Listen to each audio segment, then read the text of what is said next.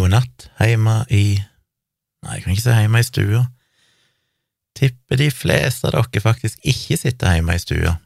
Så god kveld i stua passer dårlig, men god kveld, eller natt, eller morgen, eller et eller annet, der du nå måtte være, det er natt her akkurat nå. 1. april. Hm Føler jeg burde ha hatt en aprilsnarr i denne episoden, men jeg har dårlig erfaring med det. Tilbake for en, gud, gudene vet, sikkert snart ti år siden, så kjørte jeg jo en aprilsnarr i bloggen min. Jeg skrev en bloggpost der jeg eh, sa at jeg eh, skulle slutte å blogge. Jeg orka ikke alt eh, oppstyret, eh, så det, dette ble min siste bloggpost. Og publiserte den 1. april. Og så fikk jeg jo så mye kommentarer og mailer fra folk som syntes de var så lei seg for at jeg skulle slutte, og det var så trist. Så var det en annen kommentar i kommentarfeltet som sa liksom Hei, dette er jo 1. april. Men så var det andre som var litt sånn Hvis jeg husker rett, så mener jeg det var andre som sa at nei, men han ville ikke spøkt, men det var så alvorlig, eller et eller annet. Og etter hvert som jeg så kommentarene og mailene komme, så satt jeg bare med verdens dårligste samvittighet. Jeg er jo sånn, jeg klarer jo ikke å lure folk fordi at jeg får vondt i meg med en gang. Bare tanken på at noen går i fem sekunder og tror noe som er feil, gjør så vondt inni meg at jeg er verdens dårligste til sånne ting. Jeg hadde vel i den bloggposten så hadde jeg skrevet den sånn at første bokstav i hver setning stava ut Jeg husker ikke hva det var, om det bare var aprilsnarr. Må se om det stemmer ennå, om det var avhengig av uh, layouten, for det er jo litt kjipt i så fall. Aprilsnarr, site, kolon, tjomli.com. Ja. Uh, han staver ikke aprilsnarr nå lenger, så det Det var Nei, jo, nei, jeg så på feil bloggpost. Det har vi ikke. Jo, for det var første bokstav i hvert avsnitt, så det starter jo alltid først på linja, uavhengig av hvor du leser den. Så første bokstav i hvert avsnitt stava ut aprilsnarr. Og så eh, bloggposten heter Game Over, publisert i 2012, 1. april 2012. Og det er 34 kommentarer. Dette var jo 2012, det var jo før bloggen min hadde blitt særlig stor, så det var jo mye for meg å få kommentarer i det hele tatt. Karina Rose hun skrev du er for sterk til at dette kan være sant, jeg kan ikke se for meg, bla, bla. Jeg håper dette er den skumleste og tristeste aprilspøken jeg har hørt. Du er en øy av fornuft i et hav av idioti, håper det er aprilsnarr, men får ikke helt følelsen av det, så takk. Ja. Aprilsnarr, hvis det er det, så er det den best gjennomførte spøken jeg har sett i dag. Hvis ikke er det en trist dag. Men ja, hvis folk hadde sett første bokstav i hvert avsnitt, så sto det jo svart på hvitt, men det er jo ikke akkurat noe en legger merke til hvis ikke en vet hva en skal kikke over etter. Så måtte jeg jo blogge dagen etterpå en ny bloggpost som heter Game Over, og så aprilsnarr etterpå, og forklare hele greia. At jeg ikke takla det.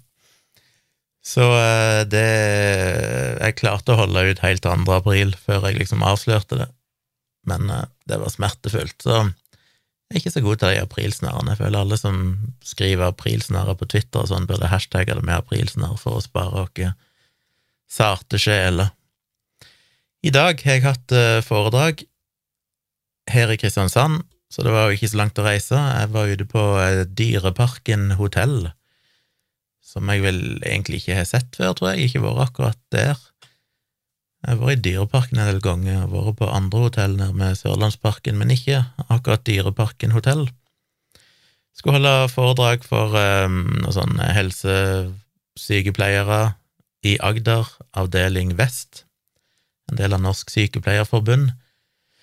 Og det gikk jo egentlig greit. Jeg hadde et modifisert versjon av mitt vaksineforedrag, det samme som jeg holdt eh, i forrige uke for Nibio, bare at det jeg holdt forrige uke, det hadde en del fokus på sånn kommunikasjon og hvordan jeg formulerte meg i bloggen, og hvordan jeg nådde ut og sånn til folk.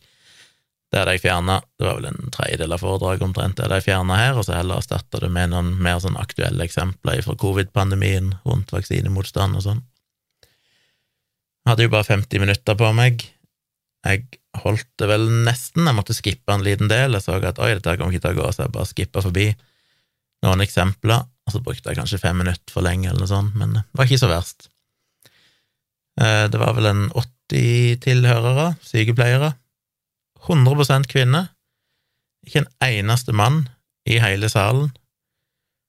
Det er Det var de eneste mennene som var der, det var menn som var på stands, de hadde noen sånne utstillere for forskjellige aktører som skulle reklamere for produktene sine. Så det var vel en meg og et par andre menn der, men uh, ellers så var det 100 kvinner. Det, jeg vet jo at det er lite menn, jeg trodde det hadde blitt så mye bedre. Når ikke jeg sjekka det, jeg innbilte meg liksom at nei, det er ikke så ille som en tror, det er en del menn som er sykepleiere, men, men det var absolutt null der. Og jeg tror ikke det var et arrangement bare for kvinner, det var for sykepleiere, så burde vel kunne inkludert menn òg, men ikke en eneste mann. Så det var jo litt interessant. Ellers tror jeg foredraget gikk greit. Det Av og til så får jeg sånn eh, pusteproblem, holdt jeg på å si, akkurat som jeg er litt nervøs før foredraget, og så får jeg ikke pusta skikkelig ut, så det er akkurat som jeg, jeg klarer bare å puste helt øverst i lungene, øverst i 20% av lungene, så jeg blir liksom stående med sånn kortpusta hele tiden mens jeg snakker. Og så trenger jeg egentlig bare å si til meg sjøl ok, ro deg ned, ikke vær redd for å ta en sånn å stoppe å prate i fire-fem sekunder, bare så du kan puste skikkelig ut, for jeg får liksom aldri tømt lungene skikkelig, så jeg må liksom bare få puste helt ut, og puste inn igjen, og så liksom går det seg til. Men det er så irriterende.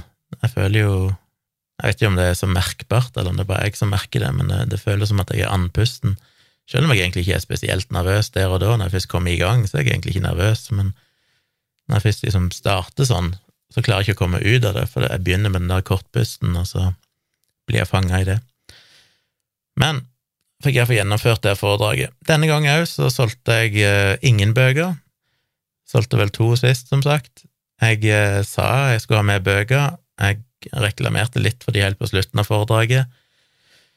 Men eh, så var jo det litt dårlig tima, for etter mitt foredrag så var det lunsjpause, og jeg ble sittende inne i et hjørne bak en vegg, egentlig, med et sånn bitte lite bord med noen bøker på, og når alle gikk til lunsj, så gikk jo de en helt annen vei, så det var jo ingen som så meg. Så jeg satt jo der og følte meg dum. Men så kom det jo ei eh, tidligere bekjent som eh, tilfeldigvis var der, som er sykepleier, som kom ut, og så satte hun seg ned, og så satt vi og prata i kvarters tid, mimra litt om gamle dager. Ei som jeg eh, kjente fra gamle dager, fra Tonstad, men ikke ei som jeg hang med, eller hun er vel noen få år yngre enn meg, og når du er yngre, så virker jo noen få år yngre som et hav av tid.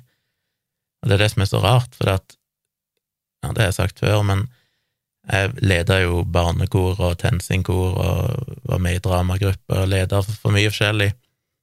Og da, når jeg var 17, 18, 19, 20 år gammel, og andre var kanskje 13-14, så føltes jo det som en, liksom en generasjonsforskjell.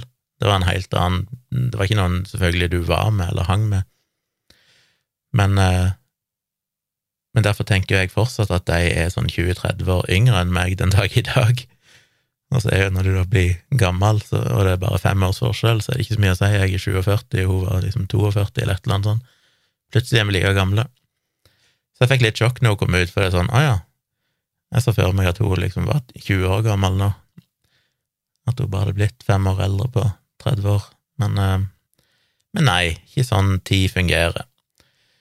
Så vi fikk prata litt, det var jo hyggelig. Så vurderte jeg om jeg skulle bare sitte der til liksom lunsjen var ferdig, og håpe at de skulle, for de hadde satt ut noe sånn snacks og sånn på noen bord der som hotellet la fram til sånn konferanse. Så jeg regner med når de kom for lunsjen, så blir de kanskje stående der litt og ta noen wienerbrød og litt kaffe og sånn. Men de kom liksom alle tilbake igjen, og så tenkte jeg, så følte jeg det var så ydmykende å bare sitte der. Så jeg tenkte bare eh, fuck it. Jeg jeg kommer neppe til å selge mye bøker uansett, så jeg bare pakka sammen og, og, gikk. Men det var så varmt. Eller det var vel egentlig ikke så varmt, ifølge bilen så var det bare seks grader ute.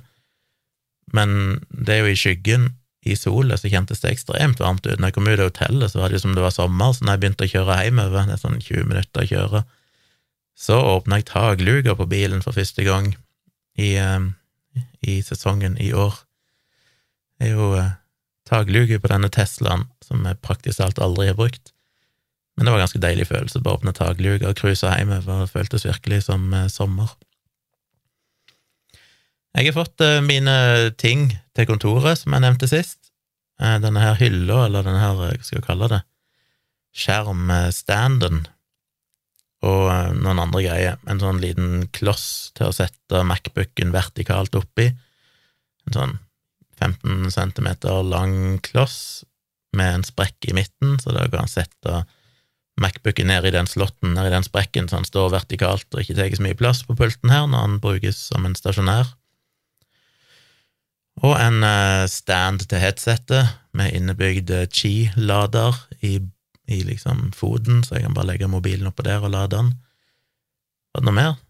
Ja, altså ei sånn ei matte av et eller annet ull og korkunderlag som jeg har under tastaturet og sånn. Og Det er fascinerende hvor mye roligere tastaturet blir. Det klakker ikke når jeg trykker på det lenger. på samme måte. Klakka ikke så mye før heller, det er sånn Apple-tastatur, men uh, det ble merkbart uh, liksom sånn Oi, det er en helt annen fil, men jeg, jeg hadde et underlag som ga litt etter. Så det hjalp virkelig. Det var sånn etter jeg hadde rigga det opp, for da fikk jeg liksom flytta skjermen bak den hylla, og så fikk jeg plassert noen sånne lydmoduler under hylla istedenfor å ha dem på sida av meg. Eh, og litt sånn, og det ble så deilig, så når jeg var ferdig, så var det sånn Jeg vil ikke gå ut av dette kontoret nå. Jeg hadde ingenting å gjøre akkurat da, så jeg ble bare sittende og se på det i noen minutter. For jeg tenkte sånn, jeg kan ikke gå herifra nå, nå trives jeg så godt her at jeg blir bare sittende. Så det gjorde jeg. Satt og kikka litt på dette her. Fikk lyst til å ta bilder av det og dele med hele verden. Sånn, Se hvor fint det ble. Så det var jo ganske kult. Det er sånn fint eh, Hva var det jeg valgte? Eik? Nei, et eller annet tresort som er sånn ikke ekstremt mørk, sånn midt på treet, mørkebrun, som er ja, av ekte tre, da, det er ikke noe sånn fake greie, så ser ganske så flott ut. Så det er jeg fornøyd med. Det, det, gjør meg alltid Det gir meg så mye glede når jeg får organisert ting litt bedre. Hater når jeg bare føler at ting at det er kaos. Og så gjorde jeg en modig ting i dag. Jeg har rett og slett meldt meg på et fotokurs. Og jeg fikk jo Hva var det jeg så det hen? Jeg lurer på en annonse på Facebook eller en eller annen plass. Noe som heter for Oslo Masterclass Weekend med Agnete Helge og Massimo. Som er med Agnete Brun, Helge Skodvin og Massimo Leardini. Jeg er ikke så vel bevandra. Jeg syns det høres kjent ut med Agnete Brun og Helge Skodvin. Det er mulig det er bare innbilt, men det er iallfall tre veldig erfarne og flinke fotografer. Så det er en hel helg eh, på eh, Hva er dette igjen? Eh, The Jesus. Det heter eh, Sandvika. På Villa Fredheim i Sandvika, rett utenfor Oslo. Der skal det være, ifra fredag til søndag. Så tre dager med kurs, fullpakka program fra morgen til kveld. Maks 20 personer. Og eh, koster litt penger å være med. Temaet er personal photography, så egentlig portretter av mennesker. Og jeg vet ikke, det Jeg jeg har jo vært på ett sånn kurs tidligere, som var i Oslo, som var veldig var mye billigere som bare var en sånn lite kveldskurs der vi gikk litt rundt i gatene i Oslo og skulle liksom øve på å bruke det naturlige bylyset og finne refleksjoner fra vegger sånn i bybildet i gatene, og bruke det til portretter. Og det var for så vidt ganske lærerikt. Ikke minst var det gøy å bare ha en anledning til å ta bilder av andre, for da må alle stå litt modell for hverandre og sånn. Og jeg fikk noen fine bilder ut av det. Jeg lærte ikke så mye teknisk, fordi det var egentlig basert på et si, lavere nivå enn det jeg allerede var på. Han begynte å forklare noen ting i starten som var litt sånn jeez, dette her, dette her kan jeg jo. Men når vi kom ut og skulle praktisere, så lærte jeg, eller det jeg lærte, var vel hvor lite lys du trenger.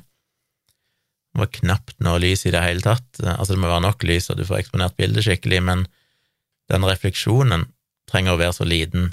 Du trenger bare en ørliten forskjell på lys og skygge i et ansikt, så er det nok til at du får liksom den, den dybden når du får eh, For det kan du booste litt med kontrast og sånn når du redigerer det, sånn at det blir enda mer merkbart hvis en ønsker det. Men jeg, var, vi tok en del bilder under sånne forhold som jeg hadde tenkt at oi, her har jeg, aldri tenkt på å ta et bilde tidligere, for jeg hadde alltid bare trodd at her er det ikke nok lys, men så oppdaga jeg at oi, shit, det blir jo fine bilder her. Så det var det jeg satt igjen med etter det kurset. Dette her er nok litt uh, mer avansert, vil jeg tro. Jeg vet ennå ikke hva vi skal ha med av utstyr. Jeg har betalt uh, påmeldingsavgift, jeg fikk plass. Jeg venta jo ganske lenge. Fordi jeg først så det, så var jeg inne og kikka på det, og så tenkte jeg nei, det her tør jeg ikke, så jeg bare sletta mailen. Uh, for jeg hadde maila den linken til meg sjøl, så jeg skulle huske det. Så nevnte jeg det for Tone, og så mente hun at jeg burde gå. Og så ble jeg litt sånn ah, kanskje jeg skal likevel, og så kikka jeg på det, men så forkasta det igjen. Men så plutselig tenkte jeg nei, fuck it, jeg har jo snakka om det i podkasten før, jeg må bli modigere. Jeg kan ikke sitte her og ikke gjøre noen ting, selv om det er dritskummelt. Jeg var så flink til det før, som sagt, da var jeg mye flinkere til å bare hoppe på sånne ting. Og det er jo ikke det å ta bildene eller kursene og sånn som er det skumle for meg, det er jo det sosiale. Når liksom programmet er Eh, foredrag, og så er det veiledning, så er det lunsj, så er det fotografering i gruppe eller solo, samt bildeanalyse, og så er det samles til felles middag. Og det er liksom det jeg syns er så grusomt. Nå er jo ikke den obligatorisk, så jeg kan teknisk sett bare ghoste den ene kvelden på lørdagskvelden og det skal være felles middag, men jeg bør jo egentlig ikke det. Det er jo der jeg kan knytte kontakter. Jeg får jo se litt, og jeg har vært der hele fredagen og hele lørdagen før det, så da har jeg vel sannsynligvis rukket og blitt ganske komfortabel med de folkene, håper jeg. Og hvis jeg skulle føle at det var veldig ubehagelig av en eller annen merkelig grunn, så kan jeg jo heller stikke av, men uh, jeg regner nok med jeg dukker opp på middagen, men jeg synes det er litt sånn skummelt. Så vet jeg jo heller ikke hvorfor et nivå det er på. Jeg aner ikke om jeg kommer der og er bare så noob i forhold til alle andre, eller om det er sånn at jeg føler at jeg hører hjemme på et sånt kurs. Og så er det ganske stress, for det, vi skal jo ha julebord i firmaet mitt dagen før. Eh, vi klarte ikke å ha julebordet før påske, som egentlig var planen, det sterkt forsinka julebordet vårt. Så det blir eh, etter påske, dagen før dette kurset. Og det er ikke så praktisk, fordi julebordet er på Bryne, og det er jo da på kvelden, og så må jeg komme meg til Oslo innen, eller til Sandvika, innen klokka halv ti neste morgen. Og det går ingen fly på kvelden ifra Sola, det seneste flyet går i åtte-ni-tida, men da er jeg på julebord, så da kan jeg ikke stikke. Så eneste muligheten er jo å dra grytidlig neste morgen. Så min plan er jo da å Altså, det er jo et stress å komme seg ifra Kristiansand til Stavanger. Akkurat den strekningen der, Kristiansand til egentlig noen plass på Vestlandet, er, er stress. Nå har jeg ikke sjekka videre, for eksempel, men jeg trodde kanskje det kom opp hvis du søkte på SAS eh, sine fly. Men skal du flyge, så må du flyge via Oslo, som virker som en ganske betydelig omvei, og da tar det litt over fire timer. Skal du kjøre, så tar det òg fire og en halv time, eller iallfall fire timer, omtrent som å kjøre til Oslo herifra. Og skal du ta buss eller tog, så tar det òg litt over fire timer. Så uansett hvilken reisemetode du bruker, så tar det rundt fire timer pluss pluss å komme seg herifra og til eh, ja, Jæren. Så det er litt stress. Jeg kan jo ikke kjøre, det var egentlig planen at jeg skulle kjøre, men siden jeg nå skal reise videre til Oslo, så kan jeg jo ikke bare sette igjen bilen der. Så da står jeg igjen med enten fly eller eh, tog. Tog hadde jo selvfølgelig buss for tog, så jeg, så det blir buss uansett om jeg velger tog. Så valget står mellom buss og fly. så jeg eh, valgte buss. Det tar omtrent like lang tid, men det er mindre stress. Skal jeg ta fly, så må jeg som sagt igjen, jeg må jo ha med meg en del kamerautstyr, for jeg skal jo på dette kurset, så da må jeg gjennom sikkerhetskontroll med kamerautstyr, både i Kristiansand og så igjen i Oslo. Nei, jeg må ikke gjennom sikkerhetskontroll, det må jeg vel ikke i Oslo. Nei, det må jeg selvfølgelig ikke, for jeg skal ikke sjekke ut. Men det er iallfall mer styr. Så må jeg sitte i Oslo og vente i to timer på flyplassen før jeg kan flyge videre til Stavanger. Så det gidder jeg ikke. Så jeg endte opp med å bestille buss, og det har jeg allerede bestilt, selv om det er en måned til. Så det blir buss til Bryne på tidlig på morgenen den torsdagen, så jeg rekker fram til rundt klokka tolv. Så skal man møte utover dagen på Bryne, og så er det julebord på kvelden. Så må jeg komme meg på hotellrommet, så må jeg stå opp halv seks. Nei, jeg må dra halv seks, jeg må stå opp eh, halv fem, kanskje. Jeg får ikke mange timer søvn. Så jeg har bestilt taxi allerede klokka halv seks ifra eh, Bryne til flyplassen, sånn at jeg er der seks-ish, og så går flyet klokka sju. Rett til Oslo, er framme rundt klokka åtte, og så må jeg hoppe på flytoget og ta det til Sandvika, og da skal jeg være der en sånn 20 minutter før eh, kurset begynner. Og så er det en lang dag med kurs, da, fra halv ti til klokka seks. Så det er jo sju og en halv time, så det blir jo Nei, åtte og en halv time. Så det blir jo eh, Nei, sju og en halv time. Ni Nei, åtte Nei, herregud, kan ikke regne. Åtte og en halv time, ja. Med en times pause midt inni. Så jeg kommer nok til å være litt trøtt, men jeg er jo vant med lite søvn, så det går nok bra. Jeg er bare alltid så panikk for å ikke klare å våkne tidsnok. Og så blir jeg alltid så stressa, så da blir jeg jo liggende og ikke klare å sovne. Alltid sånn jeg vet jeg skal opp veldig tidlig, så klarer jeg ikke å sovne, for da ligger jeg bare og tenker på at jeg må stå opp. Eh, så får jeg vel ikke kommet i seng så tidlig heller, på grunn av julebord og sånn, så det blir moro. Så det blir uh, reise herifra til Bryne, videre til Sola, flyge til Oslo, være der fram til uh, over helga, og så reise hjem igjen med fly fra Oslo til Kristiansand på mandagen. Så det ble jo litt dyrt, hele greiene, men uh, jeg må se på det som en investering. Jeg må jeg trenger å lære mer. Jeg har lyst på utfordringer når det gjelder foto, og eh, kanskje òg, ja, ikke minst inspirasjon og, og, muligheten til å ta litt bilder og sånn. Det, det tror jeg blir gøy. Så jeg håper alt det går i boks, at de får nok deltakere, så ikke plutselig kurset blir kansellert eller noe sånt. Når jeg først har vært modig nok til å melde meg på, så håper jeg at det faktisk blir.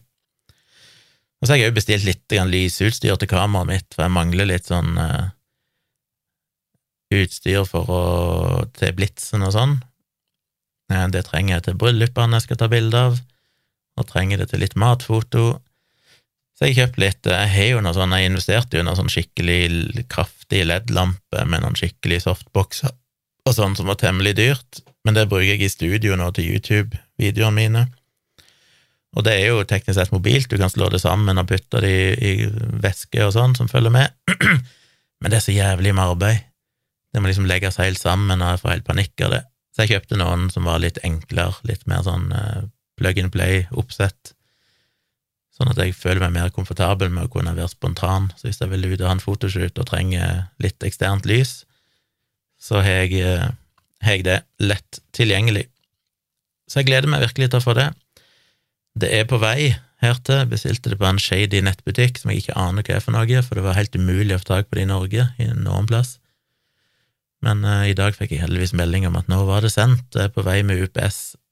Så aller helst, og det er ikke helt umulig, så får jeg det før jeg reiser til Oslo i neste uke, for da skal jeg jo ta litt matfoto, og da hadde jeg likt å ha det nye lyset. Så vi får se om jeg rekker å få det tidsnok. Og det er jo mye som skjer framover. Det går liksom litt i ett, og det liker jeg veldig godt, fordi det har vært veldig kjedelig i uh, to år, uten at det har skjedd noen ting. Så neste uke så reiser jo meg og Tone til Oslo igjen, for jeg skal fotografere restauranter og spille inn dialogisk podkast. Mulig at jeg òg tør å gå på denne release-konserten til dette bandet og ta noen bilder der.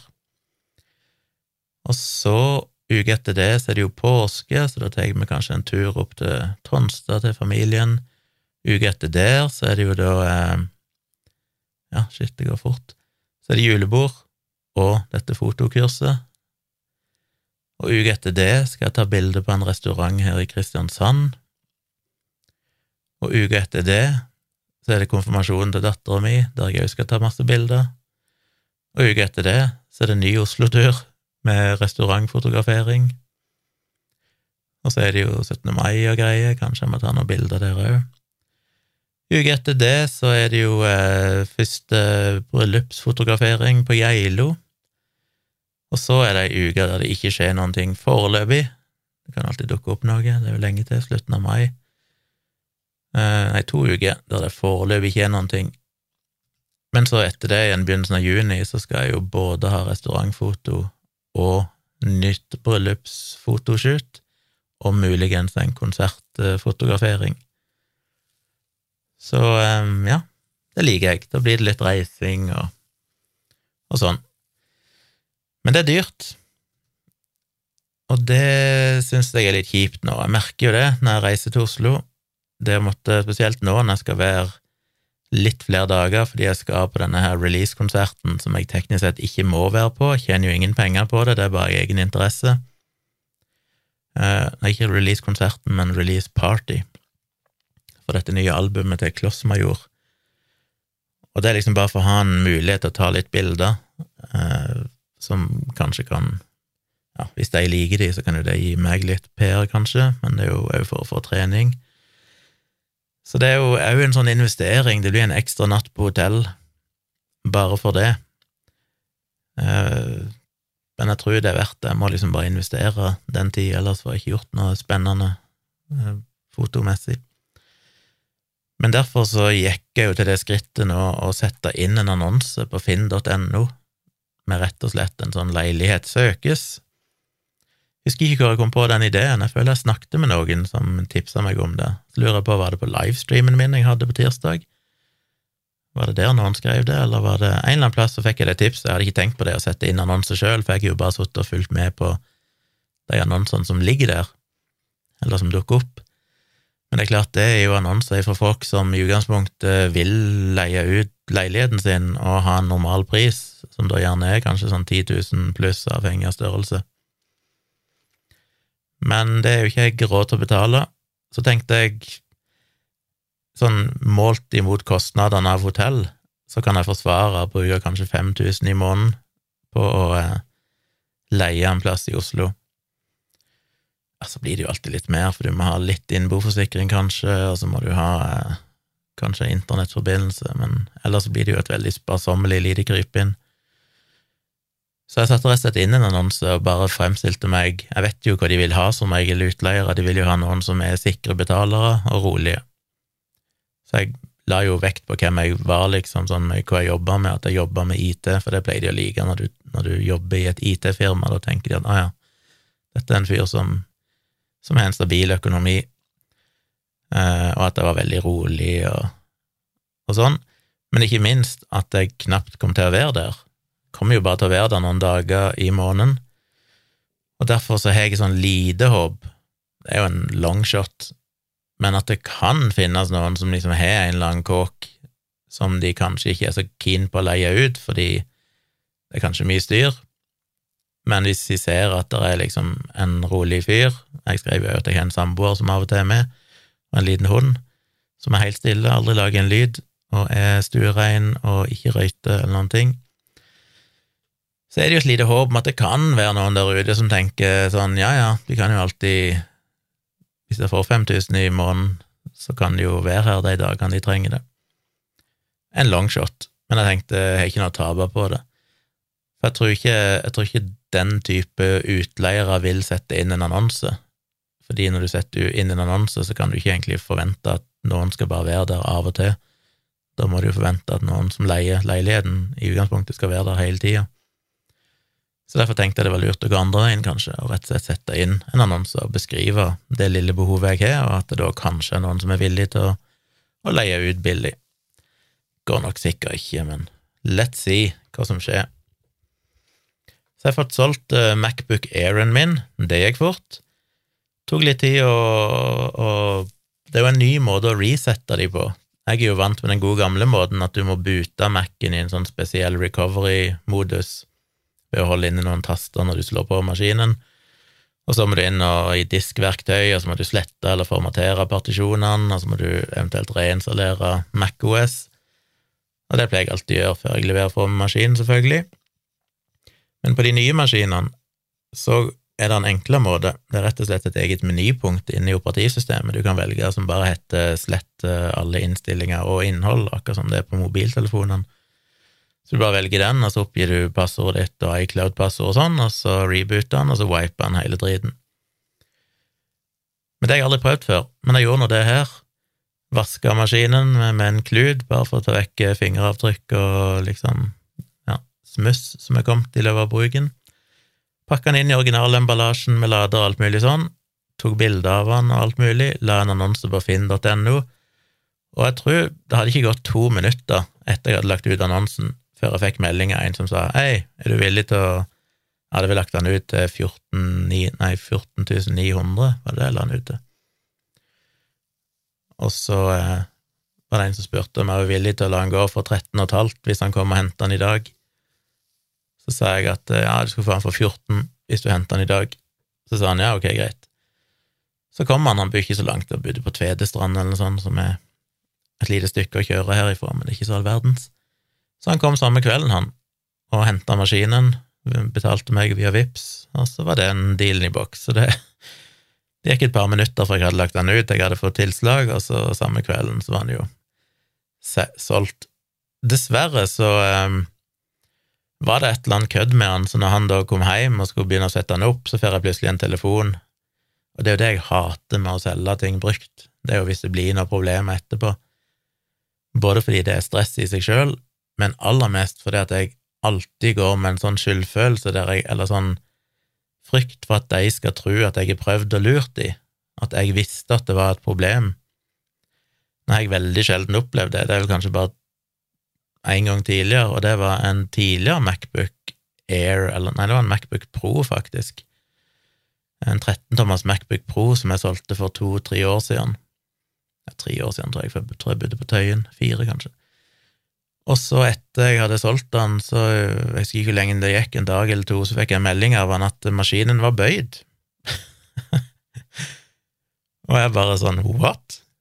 Er Macbooken bøyd? Og så sendte han meg bilder og viste og sånn, og riktignok så var han bitte grann krumma, så hele chassiset Chassiset? Chassiset, vet ikke hva det heter. Hele, altså Selve maskinen den er jo bare én stor metallklump, holdt jeg på å si. Det er jo en sånn helstøpt stykke av aluminium, er ikke det Apple reklamerer med?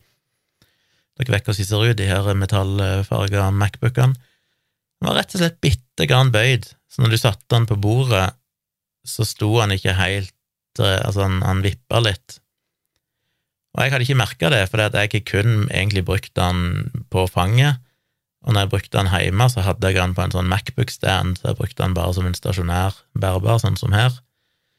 Eh, så da sto han ikke med beina på bordet sitt. Så jeg følte meg jo så dum, for da, da det liksom litt sånn Dette burde jeg jo ha visst, men helt ærlig så visste jeg det ikke. Så jeg la meg jo bare helt flat med en gang, og sånn shit, ja eh, Så sa han at uh, han skulle levere den inn på Eplehuset og få de til å De kunne vel ja, Hva de skulle gjøre? Fikse det? Et eller annet. Um, og det kosta litt penger.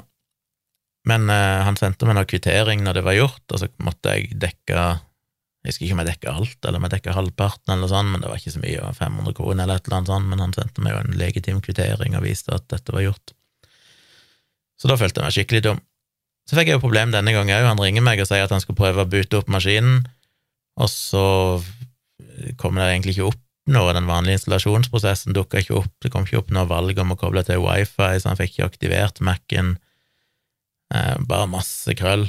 Så jeg satt med han ei stund på telefonen og prøvde å komme med tips, og satt og googla febrilsk samtidig. Jeg blir jo så overhjelpsom, bare for å vise at sånn virkelig, jeg har ikke prøvd å selge deg en maskin der jeg kødder med, og så bare gi faen, liksom.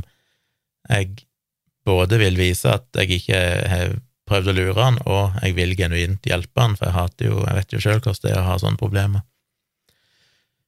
Så jeg fant vel til slutt et tips han kunne prøve, eller to tips, egentlig, som han gjorde. Og så gikk det et par timer, og så fikk jeg melding at nå var maskinen i orden. Og det var sånn en lettelse, for da hadde jeg så Jeg hadde ikke panikk i meg, men jeg var litt sånn stressa over sånn shit, hva, hva, gjør jeg hvis dette her faktisk ikke virker? Da ville jeg jo sagt til han at du får bare komme og levere den tilbake igjen, så skal jeg prøve å få fiksa det. Eh, og hvis ikke jeg gjør det, så får du pengene tilbake igjen. Men, eh, men ja, litt stress, men det ordna seg.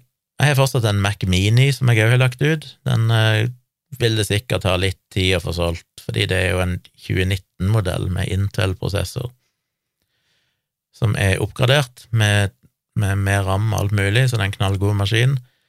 Men det er jo ikke de som, mest, eh, som det går mest av på markedet, det er jo bærbare folk vil ha. Det er vel Mac Mini er vel et snevrere marked.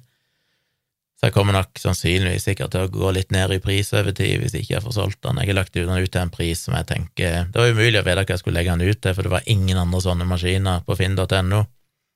Det er jo sånn sett en styrke, da, hvis noen faktisk vil ha den, så er, det, er min den eneste. Men det betyr jo at det neppe er noe stort marked for det. Eh, alle de andre Mac Miniene der, som var omtrent samme år, de var mye dårligere spekka. Så det er klart, hvis noen først skal ha en sånn maskin, så er den iallfall min høyt spekka. Så vi får se om jeg får solgt den. Jeg tror det var alt jeg hadde av eh, tomprat, så jeg skal ta noen uh, ting. Jeg oppdaga jo ja, er noe fornuftig å si om det, egentlig. Jeg bare så litt sånn med gru et oppslag på VG nå i kveld. Ukrainske kvinner må beskyttes mot innpåslitne menn.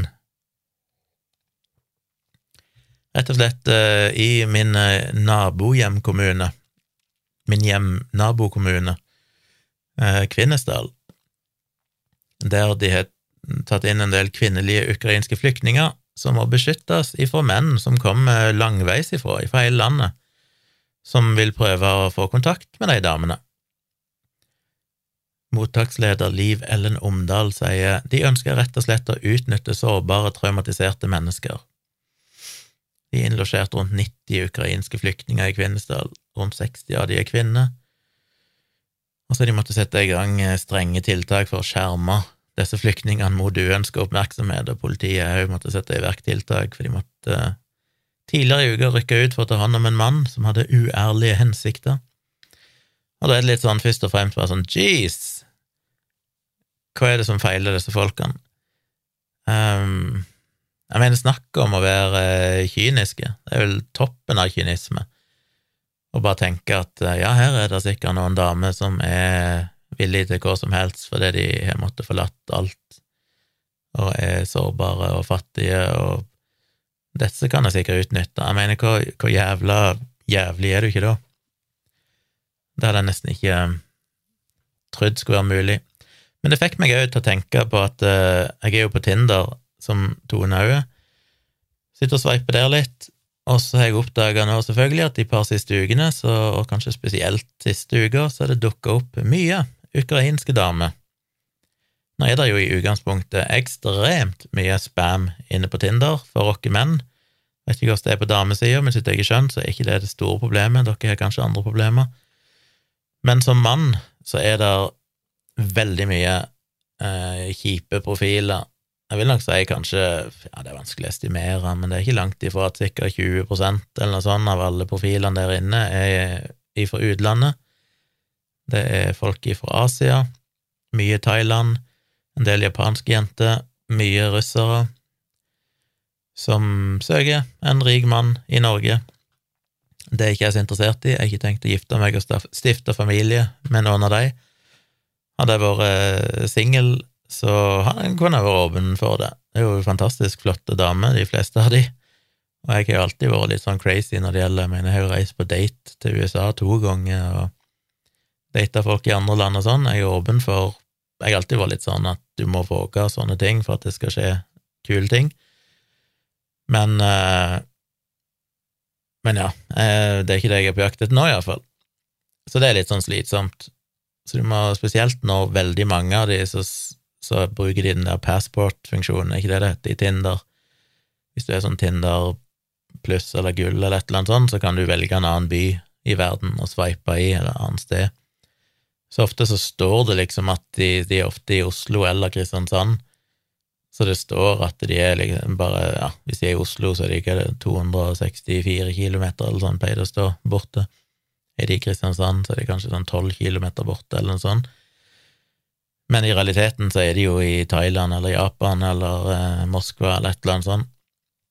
Så eh, det er litt sånn kjipt.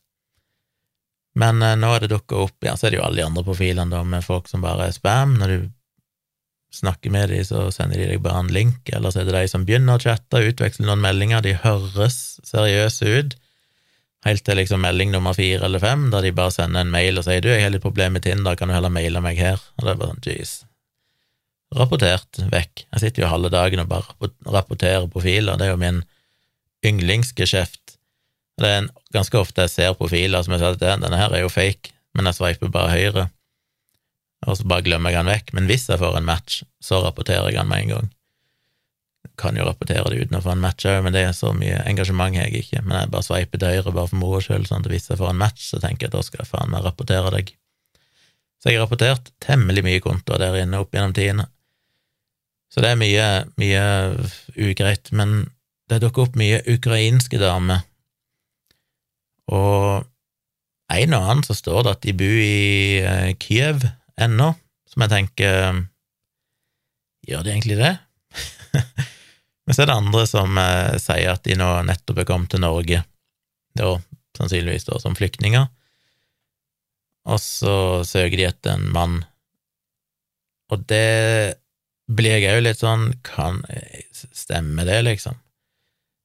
Er jeg for paranoid når jeg tenker at alle sånne profiler er fake. Det ingen uh, ukrainske damer som flykter til Norge, og så første dagen så er de på Tinder og prøver å finne en mann for å stifte familie.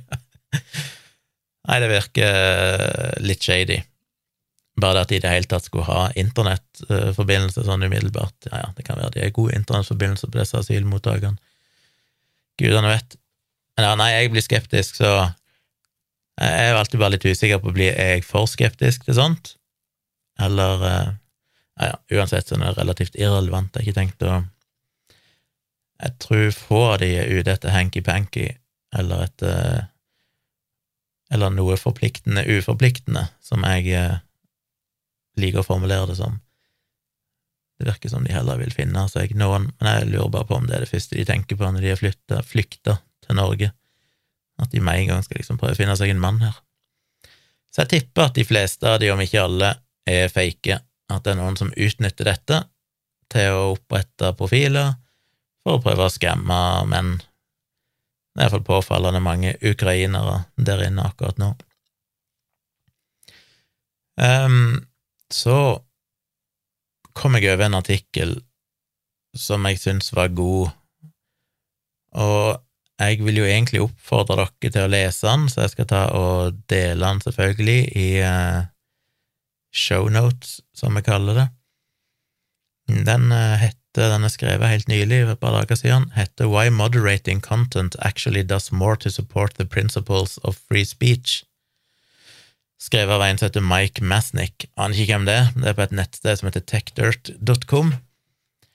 Men jeg syns det var veldig bra, for den går jo rett til det samme som jeg òg hevda, at, og som jeg sa for eksempel i den diskusjonen med han Ivar Neset angående denne politisk autoimmun-dokumentaren hans helt på slutten der, så var vi vel så vidt innom akkurat det med ytringsfrihet, der jeg sa det atter en gang, at jeg eh, nå i nyere tid jeg, jeg, var på et annet sted for et par år siden, men nå er jeg ganske tilhenger av at den beste måten å sikre stor ytringsfrihet på, er og rett og slett moderere hardt. Og her beskriver han jo veldig godt litt samme prosessen. Han som har skrevet dette, sier at han sjøl var der tidligere, at han var veldig sånn nei, alt av innhold måtte, måtte være der, og det å fjerne noen ting som helst som ble posta, det var liksom et inngrep på ytringsfriheten. Men så hadde han vært på en eller annen konferanse der han møtte noen sånne tidligere ACLU, det er American Civil Liberties Union, som kjemper for ytringsfrihet, og Free Speech Lawyers.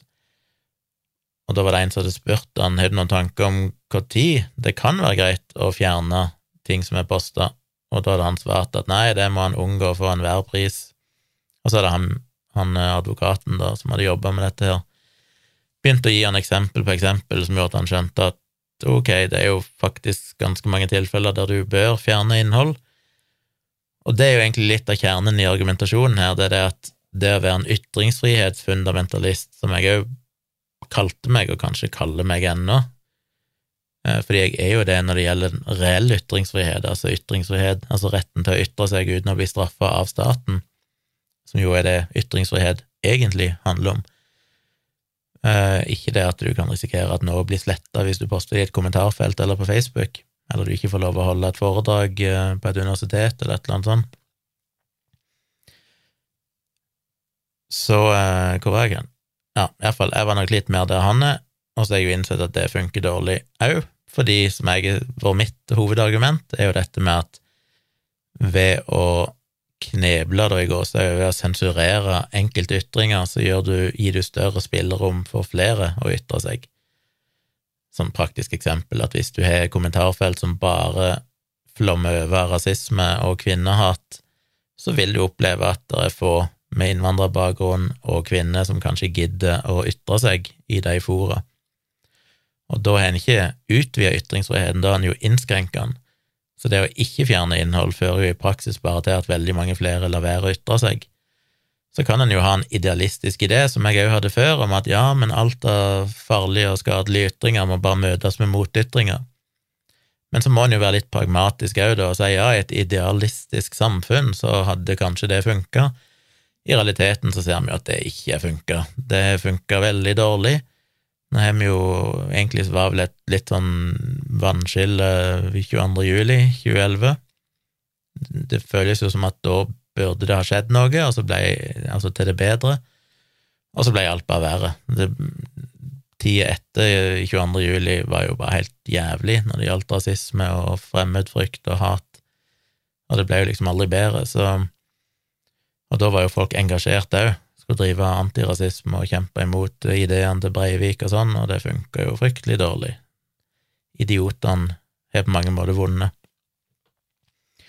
Så han eh, viser jo òg blant annet til denne Radiolab-episoden som vi diskuterte grundig i en tidligere episode Dialogisk, som jeg hadde glemt vekk, men som er en av de bedre episodene jeg har hørt av podkasten Radiolab, der de tar for seg nettopp dilemmaene med moderering, og da primært, hvis jeg husker rett, var det vel fokusert på Facebook, der de snakket litt om disse reglene Facebook hadde for hva som skulle fjernes, og hva som skulle få lov å være der. Og dette var jo en del år siden, så det var jo før alle de her seinere kontroversene med med Trump og, og QAnon og mye av det som har vært i fokus i seinere tid, og vaksineinformasjon og sånn, eller antivaksine, eller covid-fornektelse og sånn, det var lenge før det, men det gikk jo mer på nagenhet og sånn, og da viser de hvor vanskelig det er, det med at det virker jo enkelt, enten så du bare tillater ikke seksualisert uh, nakenhet, men så ender du opp i mange dilemmaer om hvordan du definerer det,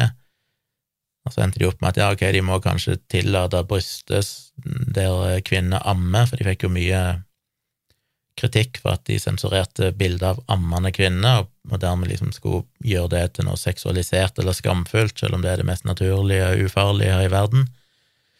Så de måtte tillate ammende kvinner, men de skulle ikke vise brystvorter. Og så var det vel et eller annet med et bilde av ei som amma en geitekilling, og så ble jo det fjerna, men så viser det seg at det er ganske vanlig i enkelte kulturer. En måte hvis du har det som vel i Norge kaller for koppelam, altså lam eller geitekillinger som ikke eh, suger melk fra mor si av en eller annen grunn, så må du mate dem med flaske. I enkelte land, Afrika blant annet, så er det vanlig at eh, du rett og slett ammer dem med menneskemelk, og det er ingenting perverst eller galt med det, det er bare en en human måte å redde hjelpe disse dyrene på. Så det er masse kontroverser rundt det. Samtidig er det jo sånn som at Facebook i utgangspunktet fjerna bilder som viste ja, grove terroraksjoner eller drap og sånne ting, at det skulle fjernes. Men så fant en ut at det måtte det var ikke så greit å fjerne det i land som hva var det, Mexico eller noe sånt, der det har vært et stort problem der tusenvis på tusenvis, titusenvis av mennesker har blitt drept av eh, narkotikakartell, eller hva det er. Det er jo helt brutalt.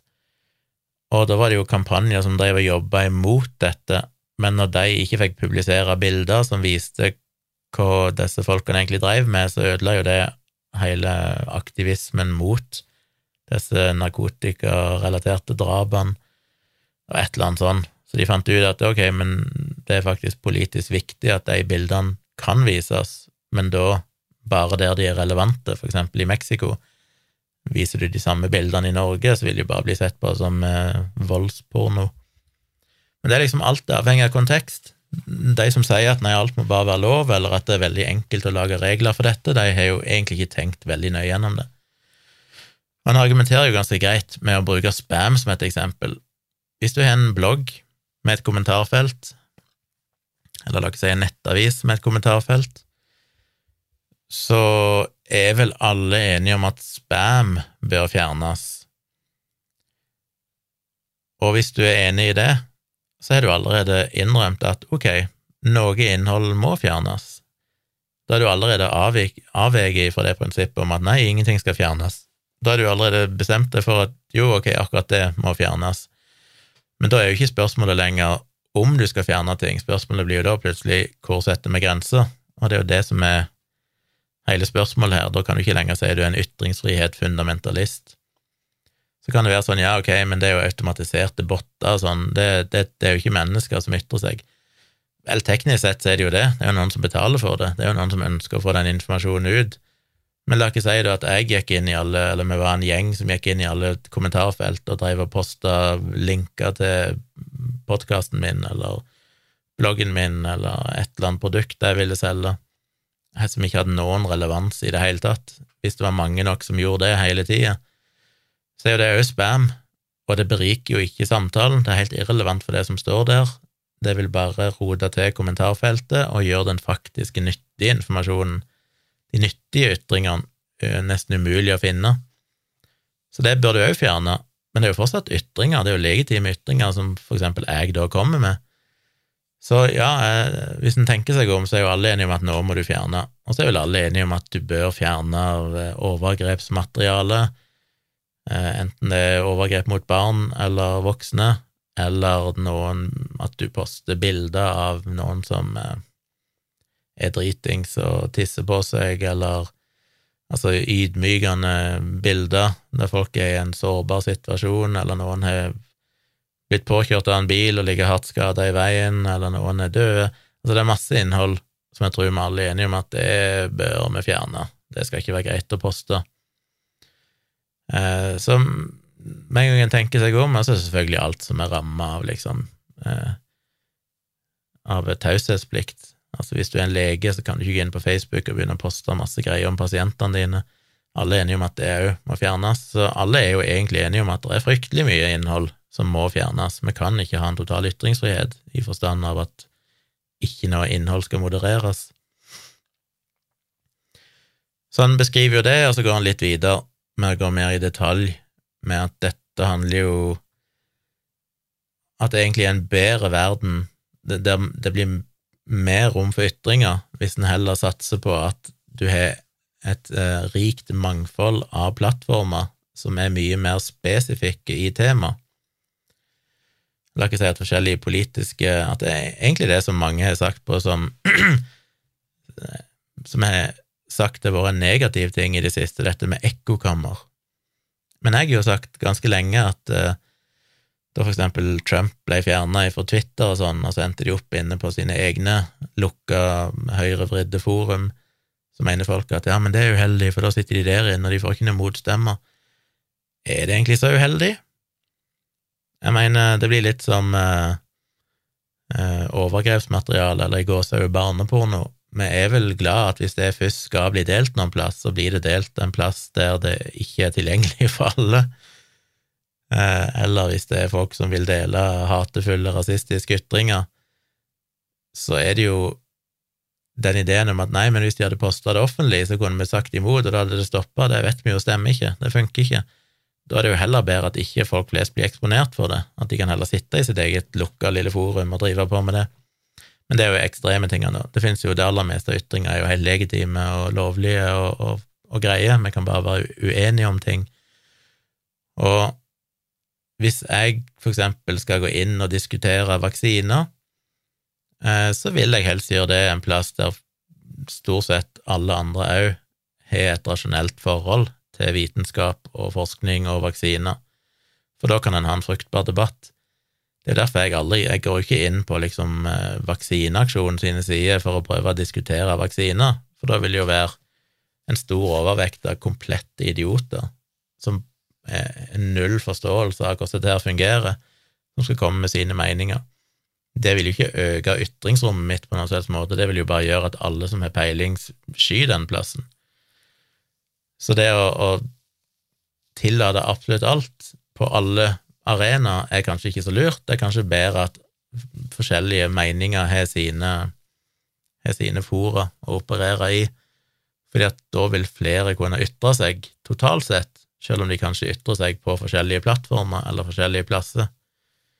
Og det tror jeg òg er en eh, fornuftig vei å gå.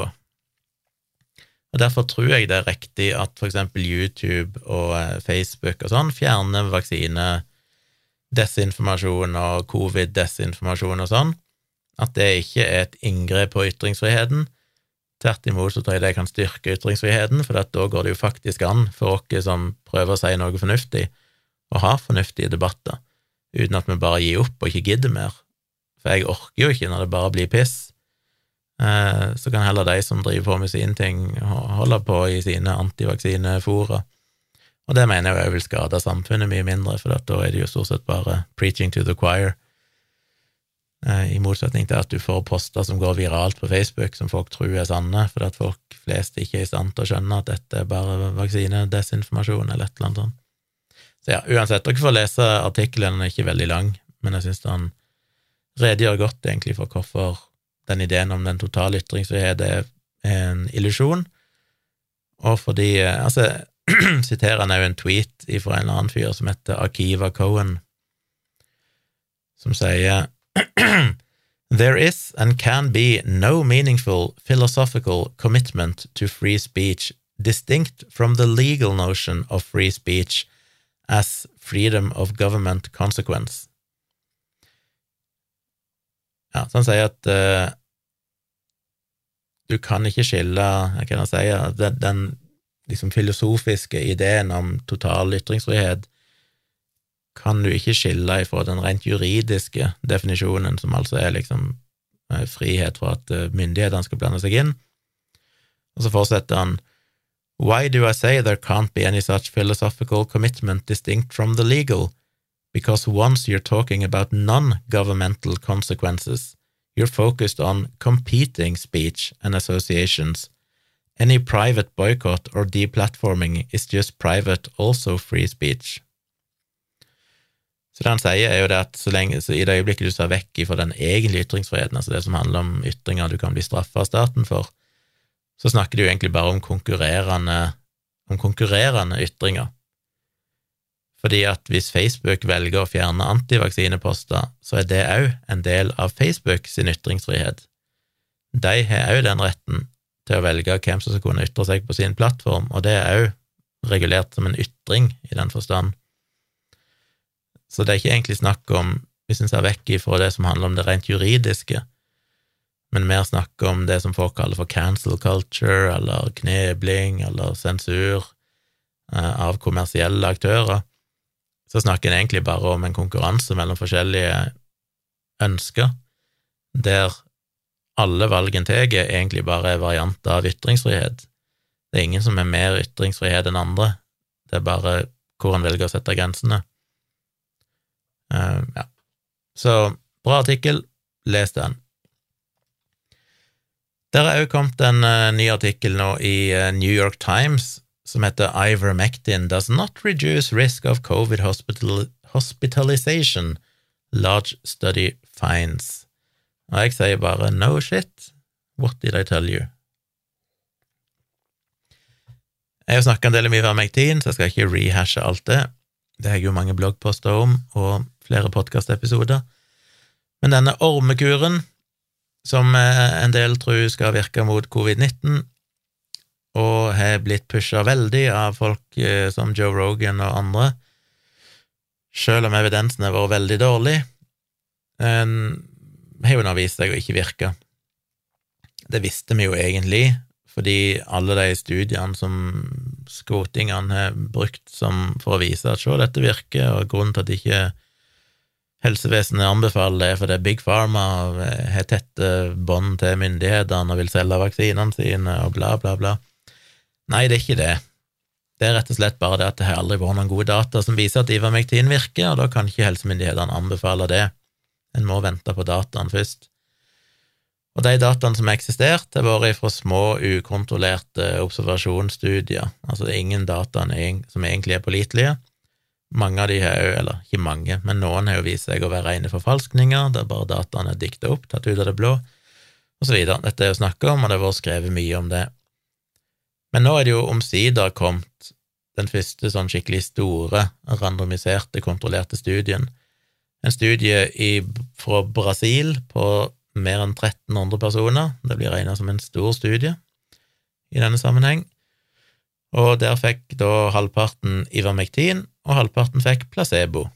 Altså en eh, randomisert, kontrollert, altså en eh, studie med kontrollgruppe. Placebo-kontrollert, kan vi si eh, med mange deltakere, som altså er det vi alltid ønsker. Det er først da vi kan begynne å finne gode svar på ting.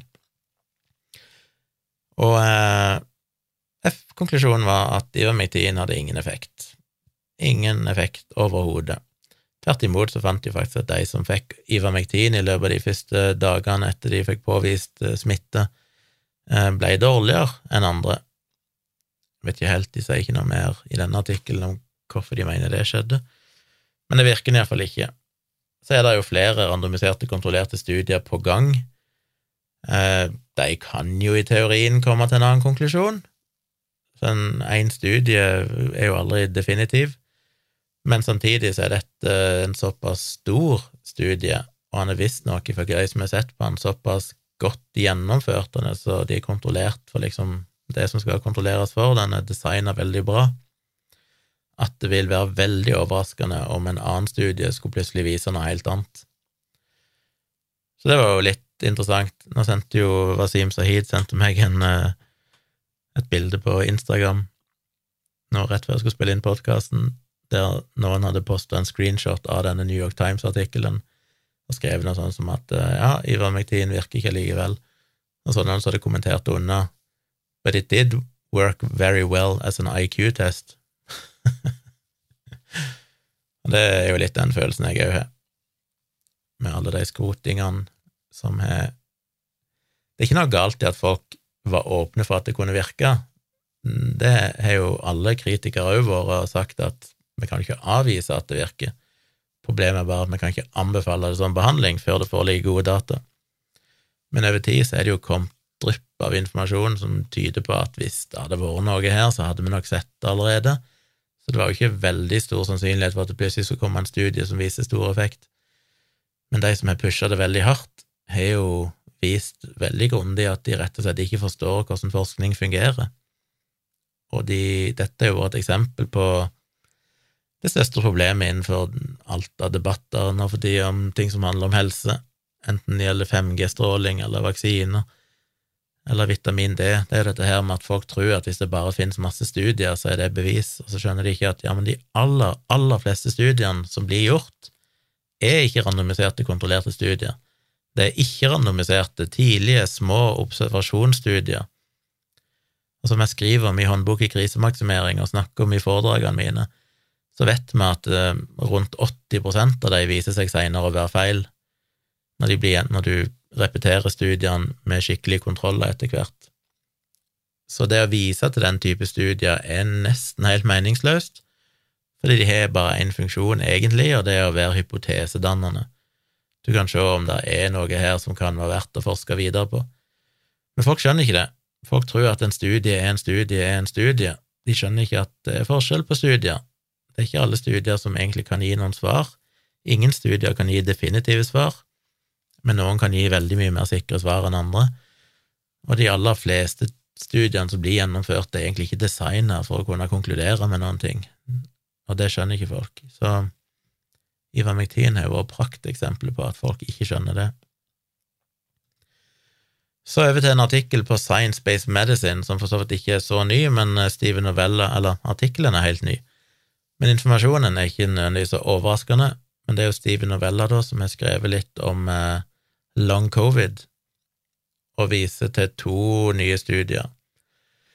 En stor, eh, største studien som så langt er publisert, fant at av de som hadde overlevd covid-19, så hadde 57% av de en eller flere long covid-symptomer i løpet av seksmånedersperioden etter at de ble friske igjen.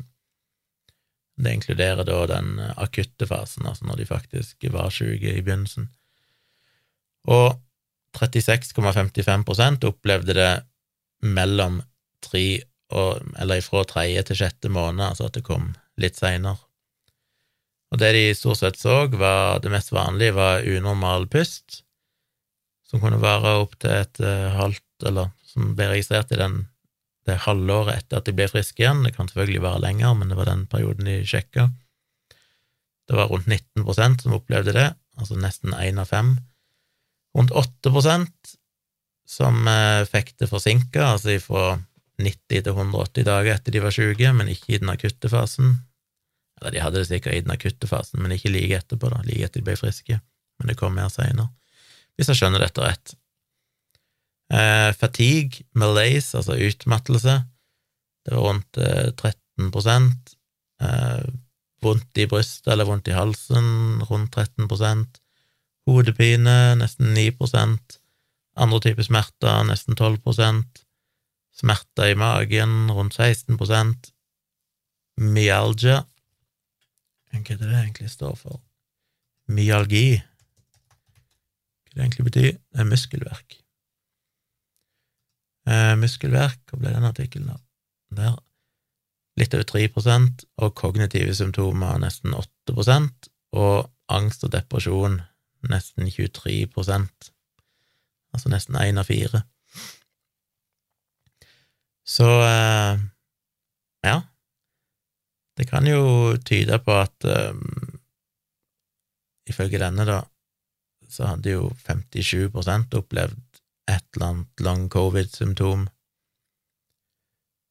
Men eh, det kan være mye forskjellig. Men det er litt sånn skremmende. Men så peker han jo på en, eh, en nyere studie Nei, vent litt. Um, ja, så var det en annen studie som kom òg nå, som var enda nyere, men som foreløpig vel ikke er publisert, bare presentert på en konferanse. Den fant vel at 76 av pasientene rapporterte minst ett vedvarende symptom. Og det mest vanlige var kortpusthet, kortpusthet 37% og kronisk utmattelse 36 søvnproblemer 16% synsproblemer 13% og hjernetåke, eller brain fog, 13% Så det er ganske utbredt. Så skriver han litt videre om forskjeller på alfavarianten og og den opprinnelige varianten og sånn, at det er litt forskjellige symptomer som ser ut til å gjøre seg gjeldende.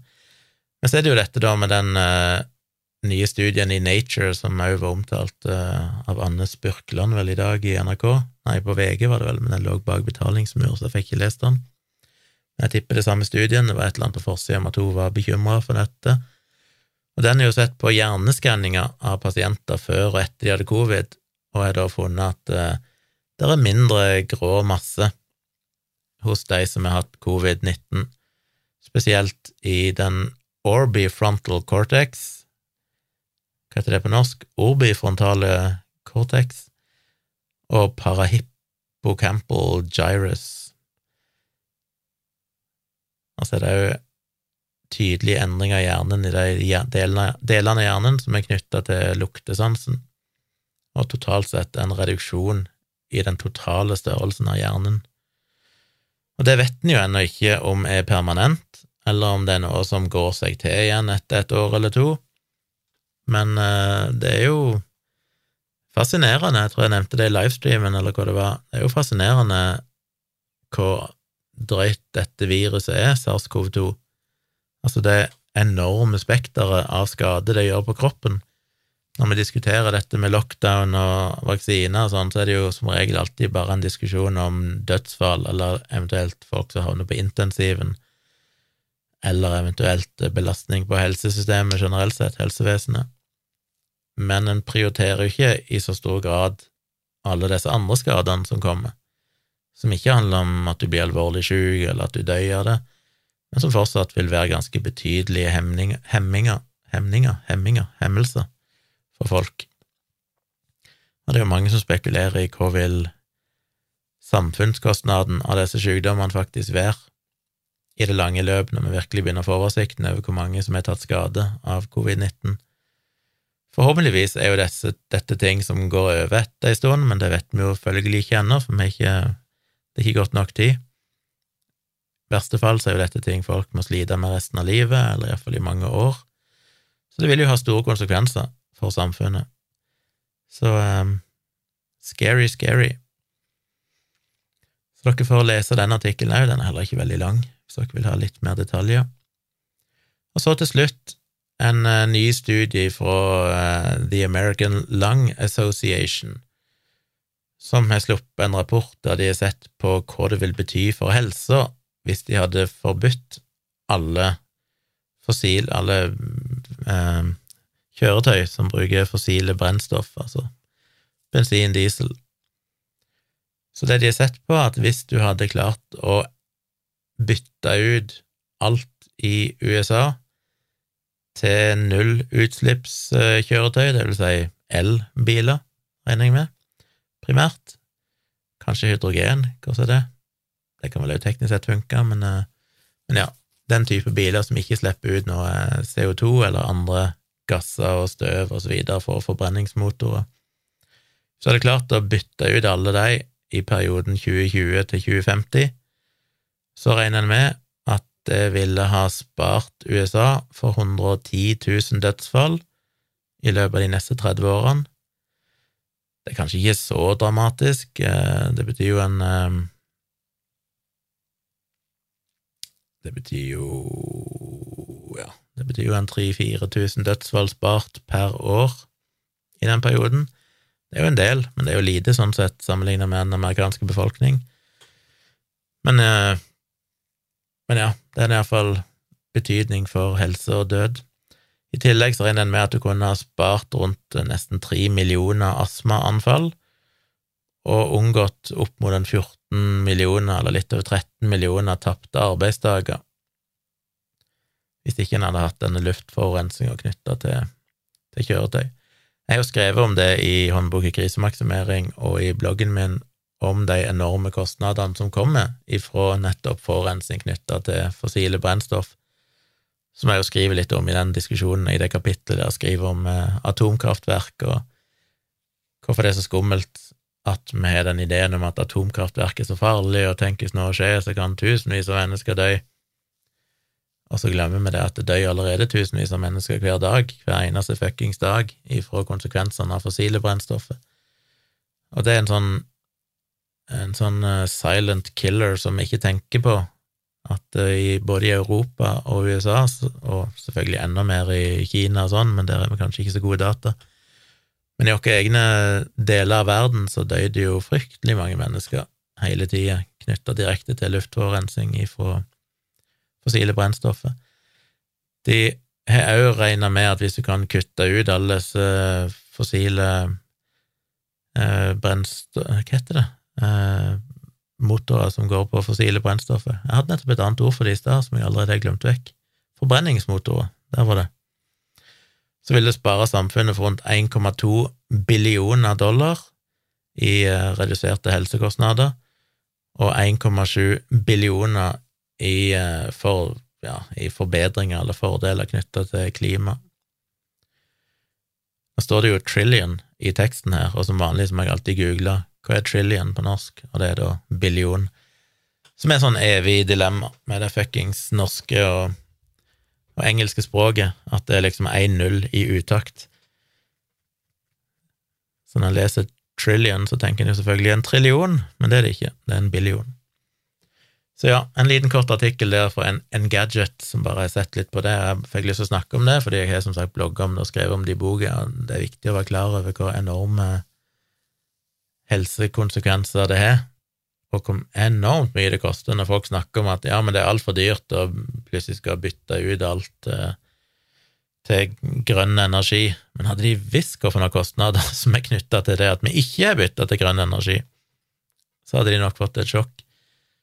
Så jeg skulle gjerne ønske at folk, flere folk, at det hadde kommet litt tydeligere fram i debatten òg, at de tallene på både helseskader og kostnader knytta til helsevesenet for alle som blir syke og sånn av forurensning eh, i mange land, at det hadde vært litt tydeligere i debattene. Men her er det iallfall en ny analyse som er gjort, da, som eh, belyser det litt mer. Det var vel det jeg hadde å si som var av substans. Til slutt så vil jeg jo bare Igjen, jeg har vel gjort det før, men jeg vil igjen anbefale Severance, denne serien som går på Apple TV Plus. Hvis dere har tilgang til Apple TV Plus, streamingkanalen, så sjekk for all, du, all del ut Severance. En helt fantastisk serie. Jeg likte den fra starten, for han er, han er en sånn spesiell stemning, og det er så creepy og Ikke creepy som i skummelt, men creepy som bare i sånn rart og ubehagelig. Det universet de opererer i, er jo rart. Konseptet er jo at er en, ja, en verden sånn som i dag. Det er ikke noe sånn framtid eller noe sånt, det er liksom omtrent i dag. Men så er det noen som har utvikla en teknologi som gjør at du kan putte en slags chip inn i hjernen og da kan du skille ditt privatliv fra ditt jobbliv.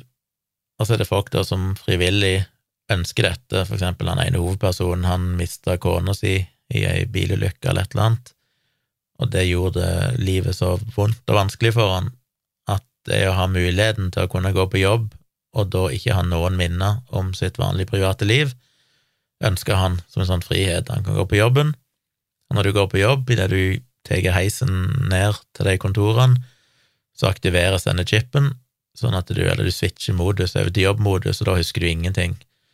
Så for de som er på jobben der, så er det som at de er på jobb hele tida. For det er når de går hjem fra jobb, så switcher han jo over til privatmodus, men det vet jo ikke jobbpersonen.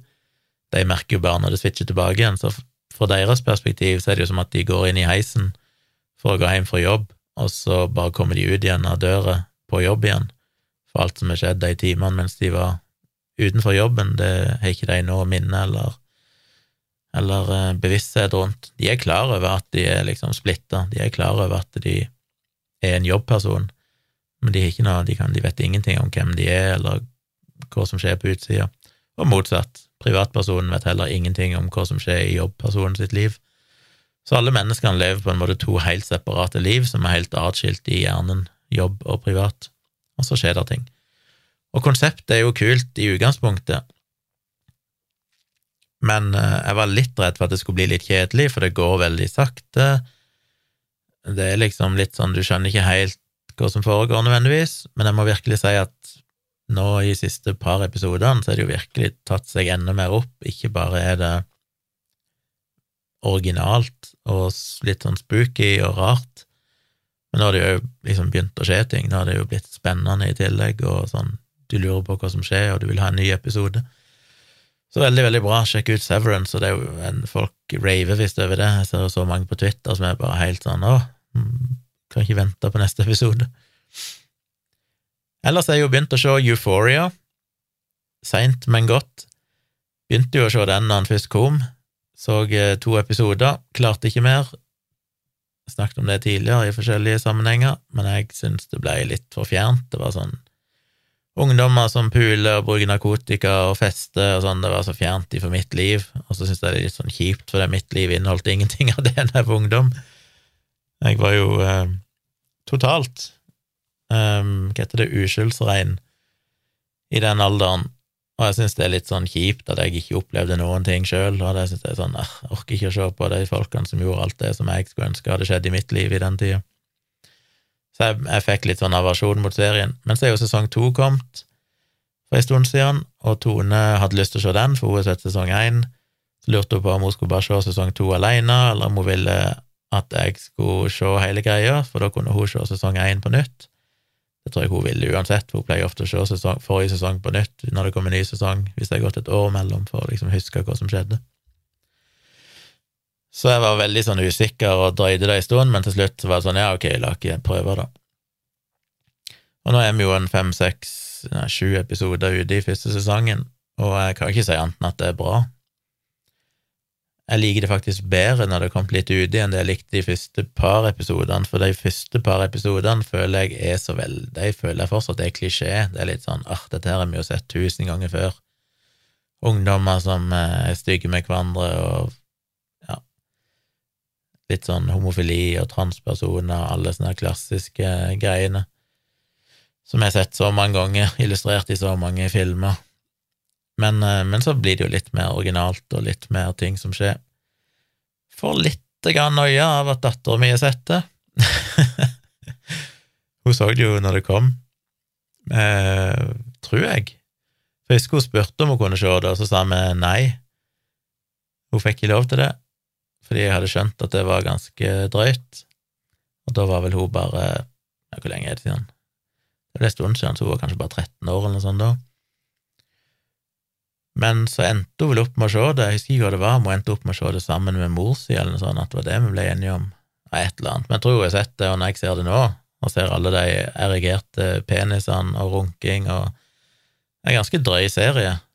Jeg er ikke noe redd for at hun skal se folk liksom ha sex i sånn vanlig forstand. Og jeg er for så vidt ikke redd for at hun skal se en ståkuk heller, hun har garantert sett nok av de sikkert på internett. Men det det var et eller annet med det så direkte og brutalt, liksom, i den serien. Det er sånn, det er ingen skam, det er bare å kjøre på. Jeg får litt sånn shit, har hun sett dette? Ja, ja. Tror ikke hun tar skade av det. Det er mer en sånn litt uh, typisk voksenreaksjon, der du bare syns det er litt sånn kleint å tenke på at ungene skal se det. Men så tenker jeg bare tilbake på min egen tid, da jeg var den alderen. Jeg hadde jo sett masse porno. Jeg brydde meg jo ingenting. Ikke som at det sjokkerte meg, eller noe sånt, så det håndterer hun sikkert helt fint. Men, eh, men, ja, jeg skjønner at det har vært en aldersgrense på det sånn i utgangspunktet. Så jeg eh, må jo si jeg liker Euphoria, gleder meg til å se resten.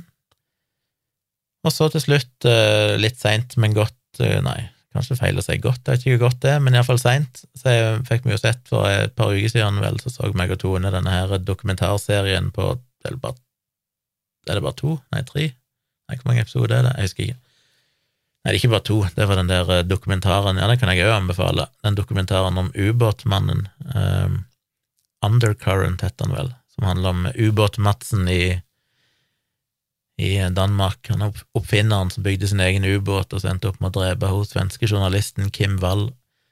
Det ligger en dokumentar ute nå. Jeg husker faktisk ikke hvor han ligger hen. Om det er på Discovery eller Jeg husker ikke hvor vi så han hen, men iallfall, dere finner han hvis dere googler. Den var jo interessant. Det var mye der jeg egentlig ikke visste. Jeg fikk jo med meg saken han pågikk for noen år tilbake, men uh, jeg gikk med et sånt slags minne om at vi egentlig ikke visste hva som hadde skjedd. Jeg kunne ikke huske at de hadde funnet liket hennes, og at det ble ganske klart hva som egentlig hadde skjedd. Så jeg husker det nok litt mer som at han kanskje var potensielt uskyldig, eller et eller annet sånt, men jeg, når jeg så dokumentaren nå, så skjønte jeg jo at ok, her er det jo ganske drøye ting, og en ganske drøy person. Så den kan jeg òg anbefale, men den var bare to episoder, vel. Men uh, We Need to Talk About Cosby var det jeg skulle snakke om, som uh, går gjennom uh, Bill Cosby-historien, og den syns jeg òg er verdt å se. Syns ikke han var fullt så bra som OJ-dokumentaren som kom for en del år siden. Som kom jo, den kom jo både som en fiksjonsserie, holdt jeg ikke fiksjon, og det er jo basert på sannhet, men med skuespillere, men det var òg en variant som bare var en ren dokumentarfilm, dokumentarserie, som jeg syns var noe av det bedre jeg har sett. Blant annet fordi jeg ante ikke egentlig så mye om OJ Simpson. Jeg visste jo litt hvem han var, hadde sett han i noen av disse komediene, og eh, visste jo at han hadde drept kona si, mest sannsynlig, alt det der, men jeg visste jo ingenting om hvorfor en hvorfor det betydde så mye for amerikanere, og spesielt svarte amerikanere, hvorfor han var en sånn symbol, et sånn ikon, og at han var så kjent som idrettsmann, og alt han hadde gjort før, og alt det der greiene her. Det er en ufattelig bra dokumentar, og ikke minst selve rettssaken hvor ufattelig interessant det var,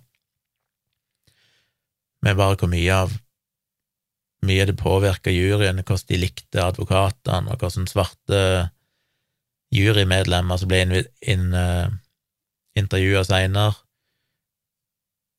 mente at han ikke burde blitt dømt bare fordi han var svart, fordi svarte amerikanere har gjennomgått så mye, det har vært så mange som er blitt feilaktig dømt, de er blitt urettferdig behandla i rettsvesenet alltid, alt dette her, for ikke snakke om all historikken selvfølgelig med slavetid og diskriminering og sånn, så mente jo de egentlig at han burde gå fri uansett. En sånn rar mentalitet som nok er vanskelig for oss å sette oss inn i. Det var mye der som var utrolig juicy, og det er litt av det samme med Cosby. En ser litt av det samme der, selv om han nok er kanskje en av de verste serievoldtektsforbryterne i moderne historie, så er det fortsatt en del av det svarte miljøet i USA som helst vil at han skulle ha gått fri bare fordi at han er svart. Og det er som sagt vanskelig for oss å forstå, kanskje, men jeg kan jo på et teoretisk nivå skjønne at de kan ha sånne følelser etter å ha blitt uh, urettferdig behandla og tråkka på, ikke minst i rettssystemet i, i hundrevis av år i USA. Så skjønner jeg jo det. Men interessant. Men der får du iallfall hele historikken og litt hvorfor Bill Cosby var den han var, hvordan han starta og alt det der. Og ikke minst er jo litt innom dette dilemmaet som jeg syns er superinteressant, med hvordan skal han forholde seg til en person Altså, det ene spørsmålet er hvordan forholder du deg til hans eh, skal en kalle det, kunstartisteri, altså som komiker, kan en ikke le av hans standup-rutiner lenger? Kan en ikke like Cosby-show lenger, fordi en vet hva han har gjort? Det er jo ett spørsmål. Det andre spørsmålet er hvordan balanserer du det med en person som helt åpenbart har gjort så ekstremt mye bra for svarte amerikanere? som gjorde så mye for uh, likestilling, få flere svarte inn i nye jobber, uh, få de inn i filmbransjen, TV-bransjen. Uh, folk som aldri tidligere hadde blitt ansatt, ble ansatt på grunn av Bill Cosby. Han gjorde jo utrolig mye bra, og så gjør han noe som er så jævlig, og så er det sånn, hvem er han da? Er han bare en jævlig person? Eller om en kunne skjønne at mennesker både kan være fantastisk bra og gjøre utrolig mye bra, og allikevel samtidig gjøre noe helt jævlig, og at en må kanskje ha to tanker i hodet på en gang, eller må det inn Jeg vet ikke. Og det, dokumentaren holder jo det som et slags åpent spørsmål. Det er litt sånn, det er litt opp til dere, opp til den seeren, hvordan du vil håndtere det.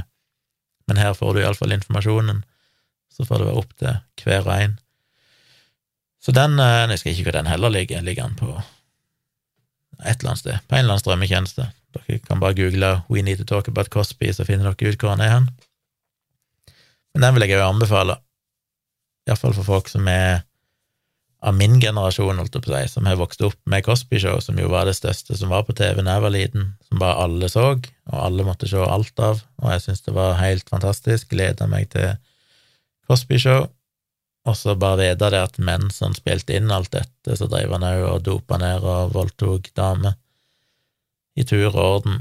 Det er vanskelig å forene det med denne koselige, morsomme Han var liksom symbolet på på en koselig far. så anbefalt. Det var mine anbefalinger. Det var dagens podkastepisode, som ble fryktelig lang. Um, Kanskje meg og Tone får til en ærlig talt i kveld, nå på 1. april, fredag kveld altså, fordi vi skal ha ingenting. Og dattera mi skal ikke komme, eh, jeg skal ikke se henne før i morgen, fordi hun skal på noe sånn konfirmasjonsgreie. Så vi blir aleine i kveld. Så tune inn for det, enten på min YouTube-kanal, Tvilsomt med Tjomli, eller på Tone sin, som heter Tone Sabro, eller på Facebook, et eller annet sted, Twitter. Vi starter vel klokka elleve i kveld, da. Garanterer ikke noe, men 90% sikkert at det blir. Og så eh, kommer vi jo med en ny episode av Virkelig grusomt på mandag. Får med dere det, podkast. Men så ja, så får jeg vel ut en episode på tirsdag av denne podkasten, men så blir det vel da ikke noen episode neste fredag, for da er jeg i Oslo, så jeg må nok skippe en episode neste uke òg. Pluss at jeg må Jeg har mulighet for til en livestream, for jeg tror ikke vi reiser til Oslo før på onsdag, så jeg får òg kanskje til min egen livestream på tirsdag kveld. Anyway, det skjer mye rart. Støtt meg gjerne inn på patron.com slash tjomli hvis du setter pris på at jeg bruker mange timer på å sitte og researche ting og, lese meg opp på ting og prøve å dele informasjon med dere som jeg håper kan være nyttig og informativ og lærerikt. Så setter jeg veldig pris på det. Vil du ha denne podkasten uten reklame, så finner du den inne på patronen min. Bli patron til ca. to kroner om dagen. Så får du gratis, eh, eller reklamefri, podkast, og du får òg podkasten litt før alle andre. Jeg poster den på på Patron med en gang jeg er ferdig med å spille den inn, men så kommer den først eh, dagen etterpå ut på ettermiddagen, offentlig til alle andre. Hvis det er noen som lurer på hvordan de får eh, Patron-podkasten inn i sin podkast-app, så send meg gjerne en melding inn på Patron, så skal jeg gi dere link, eller bare bla litt ned i postene der, så har jeg posta om det tidligere, med en sånn how to, hvordan du skal gjøre det. Men du kan altså få Patron-podkasten din inn i Pocketcast og Apple Podcast og Overcast og gudene vet hva det måtte være av alle disse podkast-appene. Så det er ikke sånn at du må høre den inne på Patron. Du kan høre han som en helt vanlig podkast, selv om han er lukka for patrons. Det er en egen fremgangsmåte for det, som er ganske enkel, så sjekk ut det, eller spør meg hvis ikke dere har skjønt det. Uh, ja, skal ikke mase mer, jeg må komme meg i seng. Vi høres igjen snart. Takk for at du har hørt på så lenge, og send meg gjerne feedback på tompratpodkast at gmail.com med flere spørsmål og innspill og tips og alt dette her. Vi snakkes. Ha en god helg så lenge.